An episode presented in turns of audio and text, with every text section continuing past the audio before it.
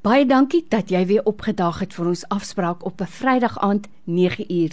Dis ons geselsprogram Draaipunt. En onthou Draaipunt word weer uitgesaai op Sondagmiddag 06:30. As jy 'n getuienis het, moenie nalat om dit met ons te deel nie. Stuur net vir my die woord draaipunt per SMS na 32716. Kos vir jou R1. Ek bel jou terug en ons deel ook jou getuienis met ons luisteraars. Want as ek moet glo wat ons luisteraars sê, dan is dit die een program wat baie baie mense nooit misloop nie. Die rede glo ek is dat dit jou geloof versterk, dat dit jou motiveer, dat dit jou inspireer en dat dit net weer vir jou bevestig wie is die God wat ons dien en liefhet. My gas in die ateljee vandag is Monty Jordaan en hy het 'n getuienis wat ek glo vir jou ook soos vir my op die punt van jou stoel gaan hou. Hy en sy vrou is wonderbaarlik gered uit die kake van die dood. Die verduideliking glo ek het mens vandag nog steeds nie. Dit kan nie menslik uitgeredeneer word nie. Net die Here God kon so iets orkestreer. Monty baie welkom en dankie dat jy tyd gemaak het om hier by ons in te loer.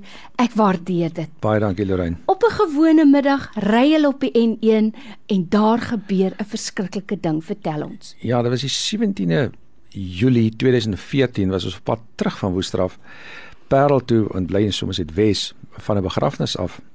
En die interessante dit eintlik begin my vrou toe ons haar wegry vir my vra as ons vandag in 'n ongeluk sou sterf, wie gaan my wie gaan ons begrawe? Wat vir my 'n redelike ongemaklike vraag is wanneer jy kom nou van 'n begrafnis af. Mm. En dit is was reënerig en die verkeer was baie dik. En ons was seker so 10, 15 minute gery en in 'n oogwink kom daar 'n wit wolk en hom vou ons kar. En my vrou vra Bokkie, wat wat gaan nie aan? Ek sê ek het nog nooit so iets ervaar nie. En dis nou ek gaan 'n Engelse woord gebruik, slow motion, kom hier stukke goed. Ons het gedog is dis hout wat van 'n trok afgeval het. Klein en groot kom so stadig deur hierdie mis aan en dan raak so ons voertuig so aan. Dit tik tik so, dis nie dis baie sag, maar dit is dis asof dit so weghop, so bounce as Engelsman sal sê. En sê dis snaaks en uh die so vinnig soos wie die wolk ingekom het soos 'n wind dit het 'n 'n wind gevoel gehad maar ons het baie min gehoor intendeel ons het niks gehoor nie want dit was absolute doodse doodse stilte. Verdwyn hierdie wolk en ons kom agter ons is in die middel van 'n massiewe kop aan kop botsing. Wat? Die voertuig voor ons ehm um, hy moet ek kon nie onthou dat ek hom gesien het nie en ek het hom ook nie gesien dat die ongeluk gebeur het want ons was in 'n wolk ehm um, as 'n kleinerige karretjie is toe links voor my my motor. Ek slaan toe dadelik die remme aan want besef toe my iets iets mm. verskrikliks aan die gebeur. En die die die kar se dak is weg, sy mm. engine is weg. Daar hang 'n jong man in 'n ligblou hemp en 'n jean en nog as hy veiligheidsgordel, die sitplek hang so half uit. En ek het ankers aangeslaan en ek besef toe dadelik maar ek moet van die ryvlak afkom want Natuurlijk. ons is hier 'n konvooi van voertuie en uh, ons het so 110 km/h gery. Dat net toe kom ry ander karre agter ons in en voor my het 'n paar stukke goed gelê. Ek is met my kar oor dit 'n bietjie beskadig. Ehm um, en ek stop en die volgende hardloop weer 'n man en hy skree you so lucky you so lucky it should have been you it should have been you en maak die venster op ek sê nee ek hoe bedoel jy dit should have been you ehm um, hy sê weet dat jy is in 'n verskriklike motorongeluk betrokke uh my vrou het in die gil geraak. Sy wil uitklim en sy sien hierdie ou hang hier. En die Heilige Gees sê net vir my: "Nee, bly in jou kar." Wat is toe gebly het? Ek het dadelik 1011 geskakel. Ehm um, mense het baie gou geantwoord binne die eerste minuut. Verduidelik waar dit is dat dit so plus minus 10 km buitekant ehm um, Woester plaasgevind het. En die man verduidelik maar het 'n trok van voor af gekom en hy het 'n ander voertuig probeer verbygaan en die voertuig voor ons kop aan kop geslaan en nog 'n voertuig agter ons kop aan kop geslaan. En julle in die middel. En ons is in die middel. En toe kom ons eers agter maar hier is nou nog en ons kyk om en ek sien 'n oh. wit ehm um, double cab bakkie wat van die pad af is en die agterkant van die trok. En nou wat nou en my vrou wil uitklim en sê vir maar ons is nie mediese personeel nie. Ons het nou reeds gedoen wat ons moes gedoen ja. het en gebel en ehm uh, Ek sê Here wat ons maak? Hy sê ry. En dit was ook vir my interessant Dat ek dink nie die Here wou gehad het ons moes ons moet sien die slagting wat rondom ons plaasgevind het. Ek kom by die huis, my kinders laat kom en toe begin ons praat en toe begin die gebeurlikie eers na ons toe terugkom. En ons begin toe hoor van iemand wat wat toe iemand ken wie wie se man in die motorongeluk dood is O. agter ons. Wat interessant is toe ek al verbygery het, het die Here ook vir my gesê dat ek moet na die mense toe gaan. En toe kom ons agter dat die mense in die voertuig voor is almal dood. Ehm um, die mense agter in die voertuig is dood. Die trok wat die koerante later afgeneem het, die foto's wat ek gekry het, daai mense is baie beseer en ook toe blykbaar later dood. Tot die trok se voorwiele was weg. So dit moes 'n massiewe massiewe ongeluk gewees het want dit lyk soos 'n bomtoneel. Die interessante deel ons het nie een enkele geluid gehoor nie. Dit was absolute doodse doodse stilte. En dit was 'n donderdag en die Vrydag en die Saterdag toe vang die die skok ons eintlik Ja. in terme van wat werklik gebeur Ja. het en dit was al laat geweest en seker so 12 uur hier bel een van ons broers my en hy sê vir my nee, ons moet die getuienis neerskryf. Begin toe neerskryf en my vrou begin neerskryf en so half 5 is ek klaar die middag na al die denke en ek wil dit vir haar lees. Sy sê nee, ek gaan joune vir jou lees en jy lees myne vir my.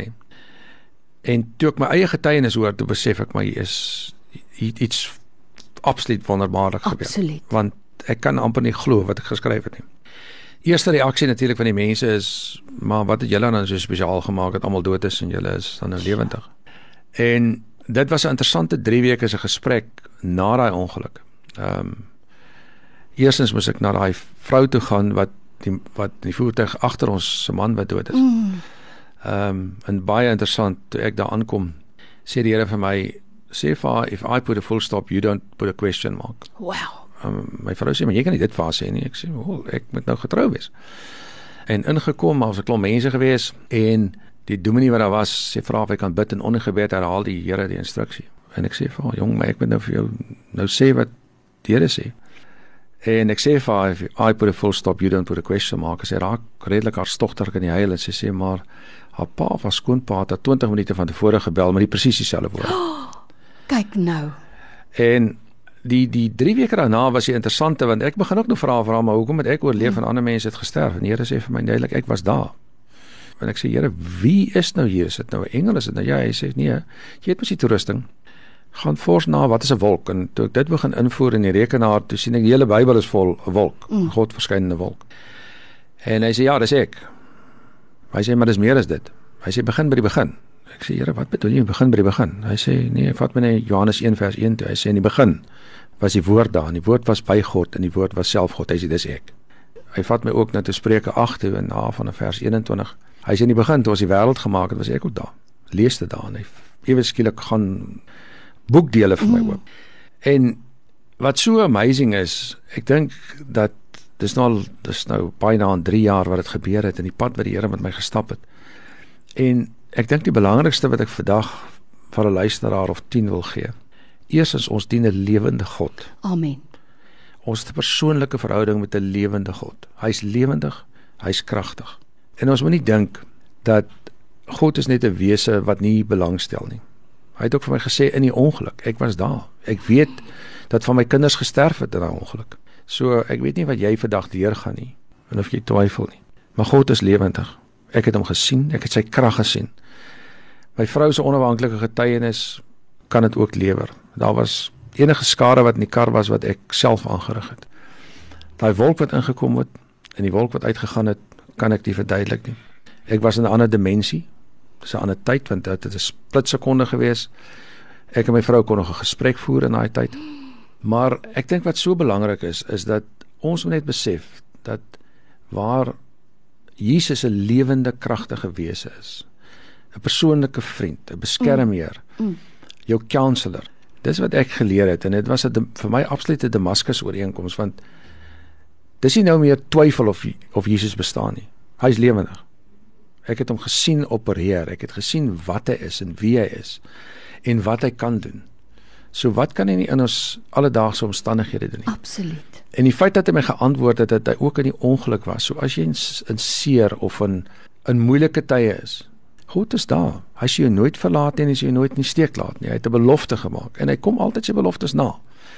So dit is so amazing net om te weet dat ons 'n lewende God dien. Sy naam is Jesus. Nou by my in die ateljee vandag is Monty Jordaan met 'n getuienis wat ek jou vooraf gesê het wat jy op die punt van jou stoel gaan hou. En jy weet Monty, as daar nou iets is vandag wat ek wegneem uit jou getuienis, is dit dit dat God lewend is, dat hy betrokke is, maar meer is dit dat hy nie mense uitsoek nie. Wat hy vir julle gedoen het, kan en wil hy vir enige persoon doen. Absoluut. Dis vir my so belangrik om te Absoluut. onthou. Absoluut. Jy weet dat God verskyn nie net aan spesifieke mense nie. As jy hom aanneem, is hy jou verlosser en saligmaker. Hy is by jou. Hy Absoluut. sal jou help. Ja. Hy is nie iemand wat lieg nie. Hy bly by sy woord en sy woord is absoluut die waarheid. Maar dan moet ek ook sê, laat God toe dat sekere mense in sekere situasies deur 'n proses gaan sodat jy kan terugkom en net weer my geloof kom versterk. En daarvoor sê ek baie dankie. Absoluut. Jy weet, wonderlik nie. een van die vrae wat ek was, Here, maar hoekom moet ek en Cathy bly leef? En die woord wat so duidelik uitgekom het, dat jy kan getuig ek leef. Amen.